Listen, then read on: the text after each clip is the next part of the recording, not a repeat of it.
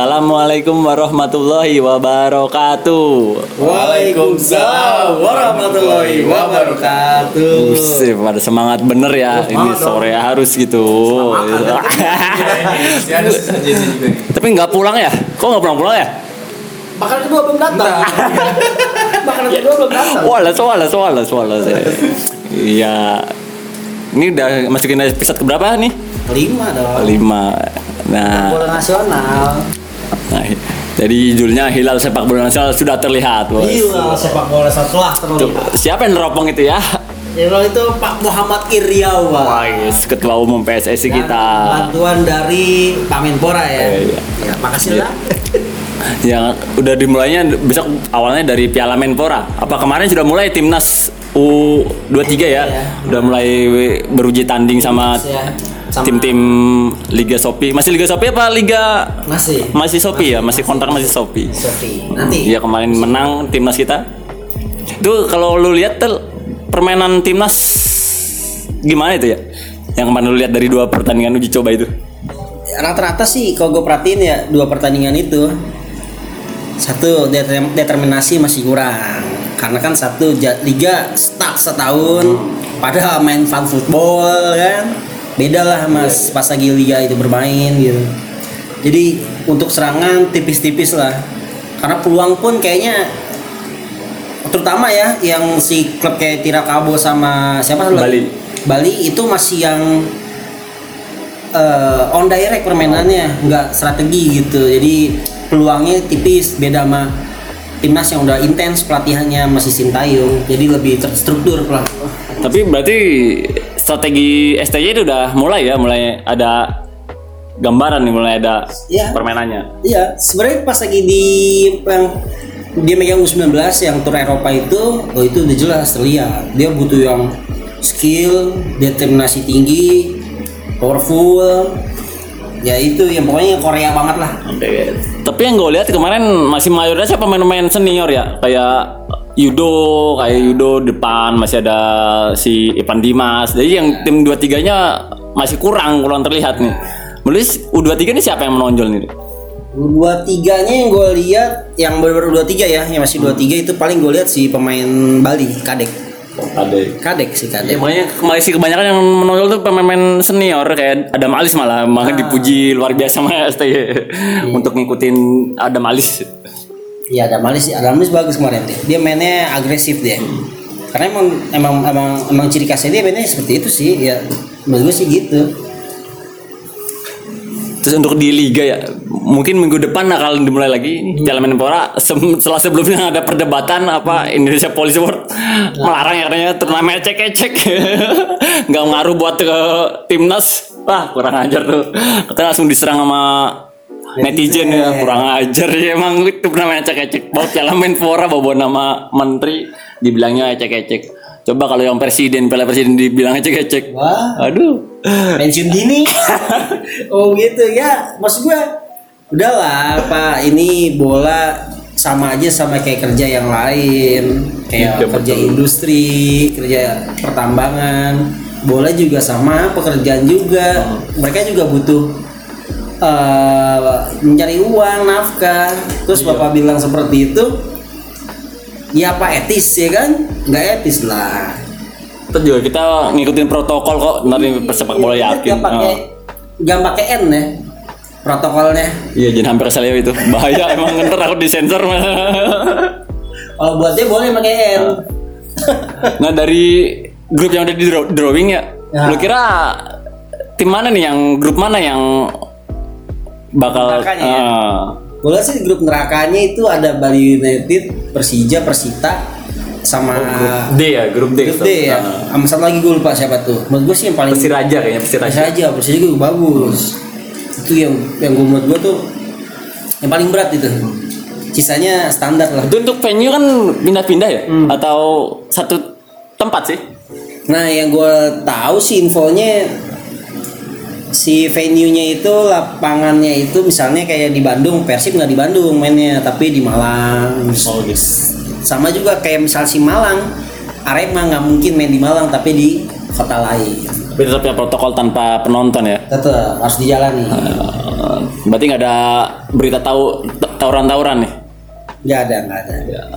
Mudah-mudahan dari sini kita bisa damai kali ya. Sama ya. Bang. Nah, menurut prediksi nih untuk Piala Menpora Nah, kira-kira siapa ya? me- ini gimana ya? Liga Indonesia itu yang perlu tahu semua nih ya. Dari peringkat 1 sampai 20 itu saling mengalahkan. Kompetitif banget. Karena 20-20 mau juara. Eh, gimana coba? Yang pasti sih ntar unpredictable sih ya. Biasanya kayak di edisi Piala Presiden yang pertama PS Tira PS TNI dulu, wih, gacor banget sampai semifinal. Tapi setelah itu ya biasa aja. Cuma mungkin kayak dari segi persiapan mungkin yang bisa kita lihat nanti ada Bali United, Persela yang mulai aktif ya kan latihan terus Persija baru-baru seminggu ini. Tapi Persija ada kelemahan ya, belum ada pelatih utama, belum datang. Variasnya masih Iya. gantung ya. Antara Varias atau infonya Robbie Fowler. BP nggak mencoba untuk BP kayaknya dia lebih ke manajer kan. tapi untuk bursa transfer juga di Liga Indonesia lumayan seru sih udah banyak yang pindah-pindah tim Iya. bahkan banyak yang balik-balik ke sebelumnya Iya, udah mulai banyak uh, pindah-pindah lah. Misalnya yang nggak dari satu klub ke klub yang lain gitu. nah nih buat Bang Obi nih gimana ini untuk sepak bola nasional gimana pendapatnya nih Aduh, kalau yang sekarang gak ngerti deh gue. Terakhir kali ya kata bola nasional tuh apa baik? Terakhir Benteng, Stadion Benteng. Itu masih Benteng sih, Viola. Udah itu Persita Persekota lagi. wah pas tawuran nggak itu Gue kabur paling pertama itu. Tawuran gak ikut gue. Lu bareng tukang chicken lari ya. Tapi chicken gugur. Mati dia kebaco. Dijarah juga chickennya. Iya, Aduh. chicken udah, udah mati dijarah juga dagangan Karena ya itu Tangerang wah kacau Tangerang Tangerang Pride. Oh, iya. demi lambang di dada. Eh. yang penting bukan anak pondok itu kayaknya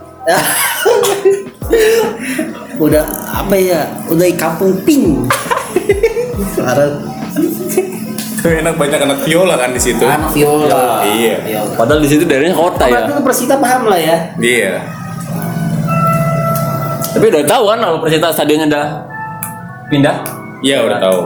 kalian masih di, di Tanjung Benteng Kalau zaman kemasannya gue masih tahu Ilham Jaya Kesuma, Jainal Arif, Wah, itu bener-bener terus Maman apa itu? malu dong. Kipernya juga terkenal tuh siapa ya? Pokoknya itu zaman masih almarhum almarhum Benny, pokoknya Benny Dolo yang ngelatih juga. iya, Coach salah. Benny. Iya. tapi sebenarnya Stadion Benteng juga udah mulai di itu ya itu untuk klub apa kira-kira Untuk klub sih kayaknya sih. Persikota Oh yang yang baru Persikota ini kayaknya sih untuk untuk fokus Liga 3 kayaknya. di mainnya di Stadion Benteng berarti Kayaknya sih ya. Atau pengen numpang Stadion Indomik Indomik ya Nggak dikasih kayaknya. Tapi keren itu. Itu terobosan baru ya di sepak bola nasional ya. Ada klub yang dia pun sewa ke Pemda setempat. Dia juga membranding stadion itu dengan investor. Kayak misalnya kayak Allianz Arena ya kan. Sekarang Persita, gue lihat sih Persita progresnya sebagai ke profesional bagus. Bagus banget. Satu dia lagi ngebangun training ground di sekitar stadion itu. Mulai rebranding logo supaya lebih kekinian. Sana nih. Pendekar Cisadane yang lagi gigit golok ya kan. sedikit demi sedikit udah mulai berubah. Persita udah mulai progres bagus. Mungkin untuk sponsor jersey juga kayaknya ganti ya beda ya sponsor jersey kayaknya lokal juga ya Indomie masih Indomie. maksudnya sponsor jersey Oh iya di Jasport. Ya, iya kayaknya lokal itu kan lokal kalau nggak salah Bogor atau mana itu? Oh. se se setahu gue ya. Sehingga itu kalau nggak Bogor itu. Nah ngomongin Persita anu kan dulu saya Persija Pak. oh Persija bukan Persita. Anda kan tinggal di Persita pak? Saya ini makhluk perbatasan. Karena kita deket Jakarta Barat ya kan? Udah kita ngomongin Persita dulu nih. Oh Persita ya. Nah pemain Persita nih udah banyak yang keluar ya terutama yang pemain-pemain asingnya nih udah gak ada yang bertahan iya sih nah kalau lu lihat progres Persita untuk di Liga Sopi gimana nih Kalau saran gue sih buat klub-klub nasional ya, terutama Persita lah karena ya daerah kita tinggal gitu Tangerang ya. Kalau bisa sih ngambil pemain tuh ya marquee player sekalian. satu atau dua yang bener-bener bagus terus pemain binaan lokal di, di uh, upgrade atau di naik promotion ke senior supaya apa yang senior itu punya orientasi main di luar negeri semakin berkembang Tapi kan nomor gue player nggak ngejamin juara, Bo. betul Kayak kita lihat Asian dulu di Persib nggak ada apa-apanya di sini. nah, nah itu Tapi kita bayar mahal tapi sia-sia. Iya. Buat apa? kalau untuk branding bagus plus itu bisa ngebantu misalnya ngasih ilmu ke pemain-pemain lokal sama kayak semacam dia eh, sharing ilmu ke pemain-pemain akademi. Karena sekarang lagi lagi musimnya kan lagi udah mulai em harus sebenarnya di pemain apa klub profesional tuh dari akademi under 10 sampai minimal under 23 yang sudah ngejalankan selama ini Pe- Persib sih masih ya belum begitu profesional ya dalam. Tapi dia salah satu yang pemasok pemain terbanyak di Indonesia ya Persib sekarang Persija udah mulai Persija Akademi PSIS Nah gue juga denger kayaknya back Persita ya ada yang keluar negeri kan? wah itu. Itu lokalnya didikan Persita atau? Bukan.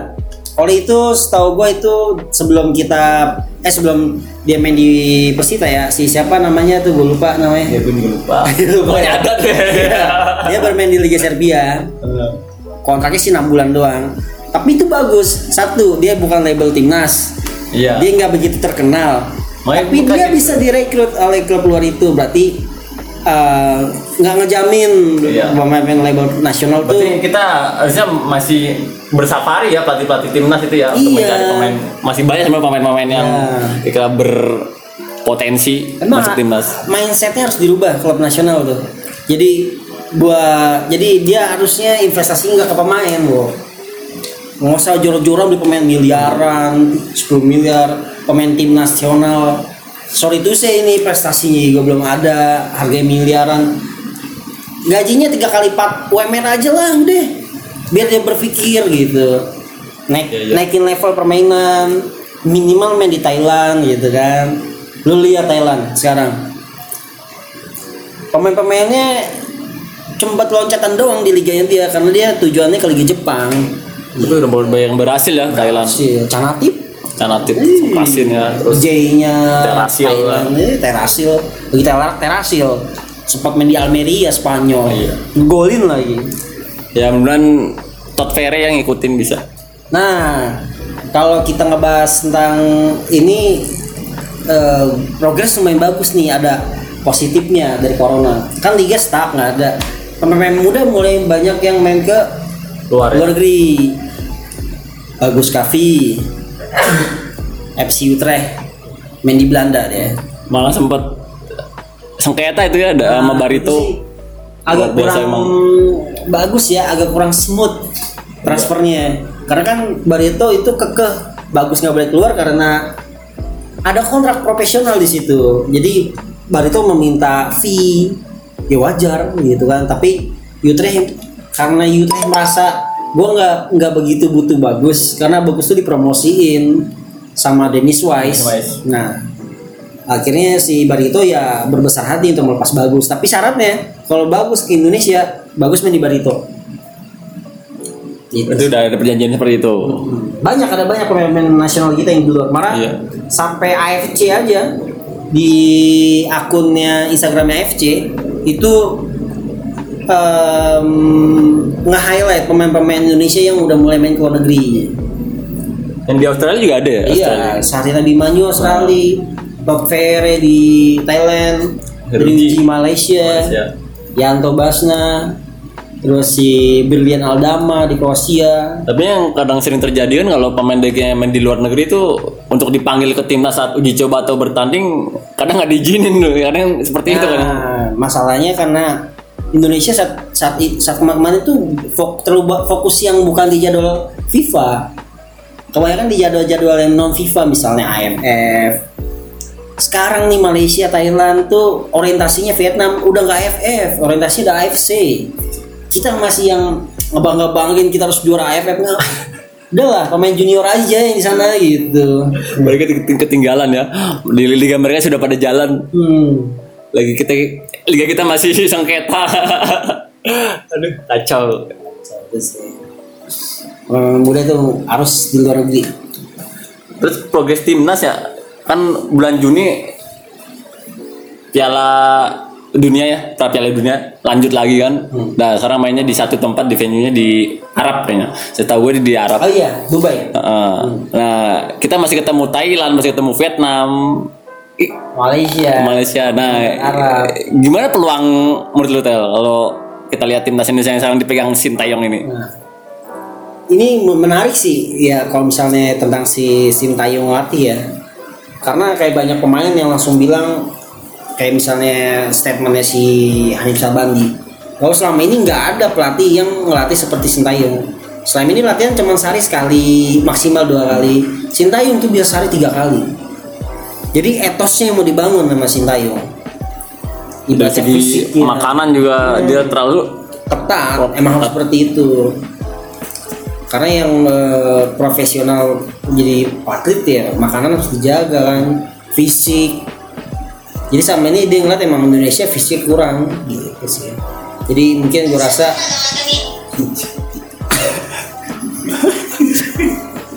mungkin karena seperti itu ngeliat itu kelemahannya jadi mudah-mudahan minimal nggak kalah. Itu sih. Nggak kalah di sana gitu. Lu lihat sekarang kan udah udah jarang ya kayak dulu kita ngeliat orang pemain-pemain bocah-bocah pada main bola di pinggir jalan. Karena sekarang udah tergerus apa tergerus proyek ya jadi pada susah nyari lapangan udah nggak ada lapangan kosong. Ini juga menurut lu ngaruh gak sih untuk nyari bibit pemain Indonesia? Ya sekarang nih ya cuman ada lahan buat in, miara cupang. Pengaruh lah pengaruh. Ngaruh ya? Iya tuh pikiran semua Dulu kita sering main pinggir jalan loh, malah di sekolah SD yang dilarang-larang. Udah susah nyari lapangan. di lapangan SD aja udah nggak boleh kalau di luar udah di luar jam sekolah udah nggak boleh main dulu makan bebas anak-anak pada bisa main Main zaman di kita main tuh menurut gua tuh ngaruh itu. yang lu lihat di Arab nih kan Hmm. lu misalnya lu kan di kota nih itu di kota cuma ada satu lapangan atau ada banyak Bay? banyak banyak ya? Banyak. ibaratnya per kampung lah per, per kelurahan lah kali ya. Iya perkelurahan itu pasti ada lapangan. Lapangannya proper nggak sih? disediain proper ada yang dipilih ada yang kalau bola ada yang rumput ada yang sintetis. sintetis ada lapangan basket juga. Jadi enak tinggal ada lapangan polinya juga. Dan itu gratis. Gratis? Iya. Ada ormas nggak di sana Nggak ada ya? Nggak ada lah, Oh, ya. nggak ada. ya. Kirain kali ada pemuda Arab Saudi PA gitu ya, PA apa gitu. Ya, kalau ngaruhnya ke mana loh? Kalau Arab Saudi ada ormasnya ngaruhnya ke mana ya? Nah, menurut lu nih ya, di sana kalau ada ormas tuh kacau nggak kayak gitu? kok ada ormas apa ya di sono karena saking damainya jadinya nggak ada ormas sih Iya sih ya. iya di sono juga nggak apa ya kok jadi bahas ini Iya. soalnya di, sono- soalnya di sono polisinya apa nggak mandang lu kayak lo miskin jadi Oh. gajinya udah gede jadi udah langsung punish aja Berarti ormas itu emang biang kerok kali ya? Kayak ya ada yang baik ada yang buruk lah ya Cuman ini kita lihat statement dari masyarakat tuh ngeliatnya seperti itu stigmanya. iya sih Iya. Di sana ada ada rental eh, lapang futsal nggak, Bay? mana ada Nggak ada. gratis. Gratis ya? gratis disediain pemerintah Ada yang main tetap. Ada aja yang main. ada setiap setiap pagi di sini pak Hmm. ya, paling ganti-gantian sih lapangannya Hmm, gitu. iya Kalau misalnya yang lu lihat selama ini di sana digratiskan hmm. lapangannya, fasilitas lah infrastruktur olahraga. Kalau diimplementasin ke Indonesia bisa nggak menurut lu? Jadi, susah sih karena soalnya recet biasanya penduduk maksudnya penduduknya biasanya banyak kerusak sampai vandal. ya? tiang gawang dijual lah besi-besinya ya aneh-aneh lah kayak gitu Atau vandalisme di sini. iya vandalisme dicoret-coret lah aduh Oh gitu. iya Emang gimana ya mindset ya? Mindset dari satu nggak usah jauh-jauh berbicara atlet profesional sedangkan manusia normalnya atau masyarakatnya kalau misalnya mindsetnya masih terbelakang gitu ya Iya. nggak disiplin Ah, bagaimana misalnya nasib atletnya gitu iya ya benar. kan pertama dari mindset dulu lah ya Iya. Kadang yang udah jadi atlet aja kadang masih apa berbuat yang itu ya Ah. kayak kemarin pada ngedugem udah jadi atlet Iya. padahal itu kan aduh sangat disayangkan sekali masih muda pula ya Iya, langsung nyantren dia. Iya. Langsung jadi pesan masuk pesantren nih, masuk pesantren dia serius baik. Apa main sini begitu. ya benar di sana nanti bisa main bola juga sama Iya. yang lain sama pak kiainya jadi pelatih Lu jadi orang. Itu mah Pak original ya mau itu. jadi sebelum nendang-nendang bisa baca Bismillah apa, apa. Iya. It ya mindset yang harus dirubah pertama. Kalau misalnya kita ngomongin eh, belanja pemain gitu ya. Jauh-jauh pada pemain Argentina, divisi 3, divisi 2. Tapi bagus sih regulasi sekarang minimal tuh divisi 2 Liga Argentina gitu. Atau divisi 2 Liga Brazil, enggak yang pemain Tahu kali pemain Brazil lagi nyangkul, eh? apa dia lagi metik tomat, betisnya gede Iya. Football, football. Oh, Oke, oke, oke, football ya, football, football. Gitu, udah main-main. Padahal paling betisnya gede gua liat kayak yang betis yang paling bersih gede gua akut loh pas sama ini kayak main pemain-pemain Arab itu kan bagus-bagus ya. Iya. Tinggi-tinggi gitu. Salary pun kayaknya nggak terlalu beda jauh sama sini ya. Hmm. Harusnya ngambil di sana ya minimal lah ada dua, dua tiga pemain Arab gitu ya. Nggak ada loh pemain-pemain yang kayak gitu. Ada dulu yang tarik jaipong siapa? Ridwan Markowi, Bar- Barkowi, Maroko ya. Iya. Iya. tapi kan dari dari Uzbek ya ada kan dari Uzbek Oh Persita. iya, ada si Tamilan, Iya. ya kan pemain back Persita itu. Di sini gue lihat kayaknya transfer market pemain masih belum jelas. Jadi untuk memulihkan sepak bola ini mesti diriset dari nol atau dikalibrasi dari nol kalau kata gue mau. Dari segi infrastruktur klub yang paling utama.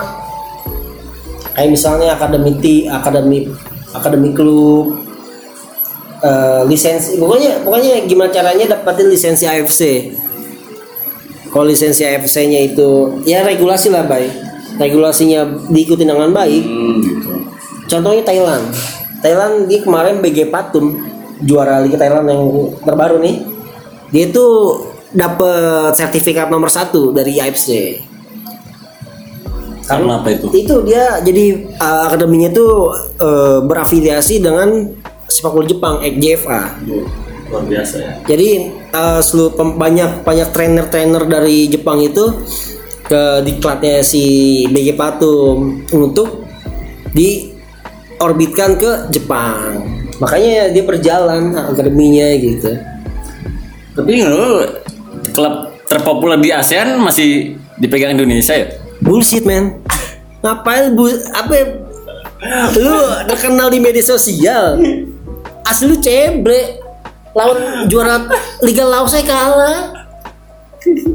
Bali United di sini juara. Lawan Liga juara Kamboja kalah dia. Padahal yang Kamboja sepak bolanya Ya Allah, di sini mah buat nemenin mayat. Pohon. Di sini mah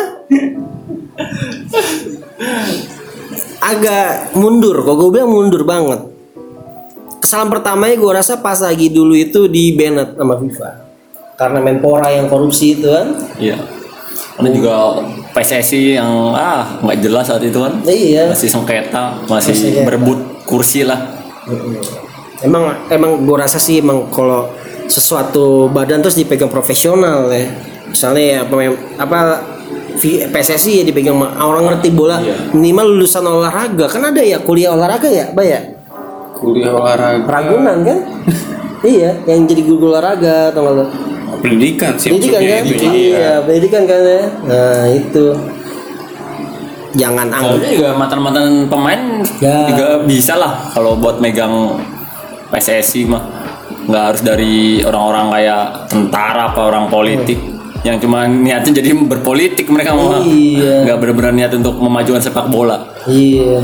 Kayak misalnya Thailand, gue kenapa gue ngambilnya soal Thailand? Thailand satu udah profesional banget. Tadinya itu liganya tuh nggak sama sama sekali rakyat tuh nggak tertarik sama Liga Thailand sampai pemain Thailand tuh banyak main di Vietnam. Setelah tahun 2008 di ris apa ibaratnya di brand di branding ulang dia nge-hire salah satu eh, profesional dari Singapura. Nah itu yang ngerubah semuanya, Wo. Itu si orang Singapura itu yang ngerubah Liga Thailand tuh bener-bener jadi profesional banget ngikutin standarnya AFC, FIFA. Kenapa kita nggak bisa? Emang kita nggak bisa belajar seperti itu? ya? Harusnya bisa. Masalahnya di mana kalau? Yang jadi masalah di kita Apa ya? Good willing kali ya. Keinginan keinginannya tuh nggak ada enggak India Luis Figo dia jadi ketua badan apanya gitu di salah satu eh, bidang di bolanya India itu Luis Figo Nah menurut lu kedatangan Sintayong punya gebrakan juga. Nah itu gue setuju, setuju gue. Keberatan tuh setuju gue, Sintayong. Langsung tuh etos pemain tuh berubah. Nah, Badan langsung pada sekel, poker iya bay. Makan nggak boleh macem-macem. Hmm. Ya gitu emang harus ada penggeraknya sih. Iya. Si Sintayong ya. iya menurut gue gebrakan dari Sintayong. Dia berani berani manggil Sintayong lu mungkin buat awal kali ya. Mudah-mudahan dari awal ini awal Indonesia bangkit sepak bolanya. Dan ke depannya emang targetnya mungkin lebih tinggi. Jangan bener jangan cuma ngomongin AFF aja lah. Walaupun kita nggak pernah juara udah jangan Udah lah biasanya udah bodo amat lah gitu. orang lain udah tim lainnya udah ya kayak kesannya kayak kayak Thailand udah nggak Vietnam udah nggak mau AFF jadi kita nggak punya saingan jadinya kalau dibilang walaupun kita juara eh mereka udah nggak mikirin AFF kok Iya kan? kurang kayaknya walaupun kita Dia- juara Dia udah nggak mikirin AFF, kita masih aja ngomongin dia AFF. mau ngirim tim oh 19 ya 18 19 Malaysia. ya iya Iya, Malaysia ngirimin tim U19. Yang udah fokus di Piala Dunia itu Iya, tuh bayangin tuh. Yang lain fokus pra Piala Dunia, kita nyusun jadwalnya berantakan. ya Menpora aja digelarnya susahnya bukan main Iya. Tapi pilkada Nah, kenapa bisa begitu ya? Sepak bola kan kita juga sepak bola ngikutin protokol kok. Emang kalau kita nggak disuruh nonton ya nggak bakal ada yang nonton. hmm. Ya mall-mall, bisa buka ya. mall-mall buka, ya kan? Dulu ya di bola di Arab saat itu pas pandemi, bola masih jalan gak sih liganya? Liganya sesuai protokol kesehatan aja sih. Tetap dijalani kan? Iya. Nah itu yang di Arab aja bisa jalan ya. Ya gimana kalau nggak gitu atlet nggak bisa Jangan mata pencarian gimana di Italia aja yang segitu covidnya naik paling tinggi angkanya mereka tetap berjalan nih liga sepak bolanya kan Nah itu dia. Padahal protokol kesehatannya soalnya nggak lebih ketat dari sini kan ibaratnya. dan juga korbannya lebih banyak di sana. ya gitu sih uh, salah satu faktor Indonesia apa ya kurang maju persepak bolaannya kurang perhatian pemerintah juga sih Hmm, nah ini lu sebagai orang yang outer juga nih di sepak bola nasional. hmm.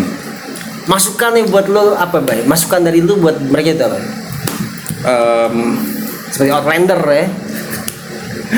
Apa ya ya gitu perhatian buat sepak bolanya lebih di lebih banyakin gitu jadi em, peminatnya lebih banyak terus para atlet juga jadi lebih semangat gitu buat eh, naik level Yang lu lihat yang nggak ada di sini dan ada di sana tuh apa infrastruktur misalnya? Apalah gitu. yang ada di sini Yang nggak ada di sini tapi ada di sana. Yang nggak ada di sini tapi ada di sana itu ya fasilitas sih Fasilitas ya. Heeh. jadi di sono itu emang kan memang prefer ke sepak bola jadi anak-anaknya emang kalau nonton dari kecil emang sepak bola hiburannya Hmm, jadi berbudaya juga sih meskipun begitu Arab Saudi meskipun nggak kelihatan uh, apa ya persepak bolaannya gitu sam paling sering ke masuk Piala Dunia kan hmm. Iya dibanding Selalu negara lain Asia bisa. lain iya Meski kita selalu kalah loh mau ketemu apa. Hancur terus. aduh ya udah gitu sih paling Infrastruktur ya. Yang lu lihat tuh fasilitas lapangan di sana. Iya, sama ya gitu maksudnya cara berpikir ketika so yang orang-orang yang masih kecil nih yang suka sepak bola gitu Jadi ngelihat atletnya pada hebat ya, di generasinya mereka termotivasi gitu. Jadi bisa Hmm. seperti mereka. Ada role player ya. Iya. Ada role playernya. Nah, ada teladannya lah. Teladannya ya. Iya. Ini masih itu yang masih kurang di kita ya. Kayak role player itu. Kayak Thailand sekarang Thailand lagi gue bahas. Thailand role playernya Chana Dip Songkransin udah gak ada lagi saat ini. Mungkin bisa role playernya ASEAN juga sih. Iya. Sekarang dia sudah jadi key playernya Konsadole Sapporo. Jadi pemain utamanya ya. Ini utama. Liga Jepang. Liga Iya. terbaik di Asia. Masuknya. Masih banyak kekurangan tapi ya kita harus optimis dengan adanya coach Sins ini kan jadi progres permainan ma- mindset pemain juga udah berubah. Ya benar benar pemerintah lebih lebih, lebih perhatian lagi. Hmm. Jangan cuma ngurusin politik aja di uh, olahraga. Iya. Ya olahraga ya olahraga jangan dicampur sama politik gitu loh. Iya, iya. Ya ibaratnya selain kehidupan lu ada kehidupan orang lain gitu kan.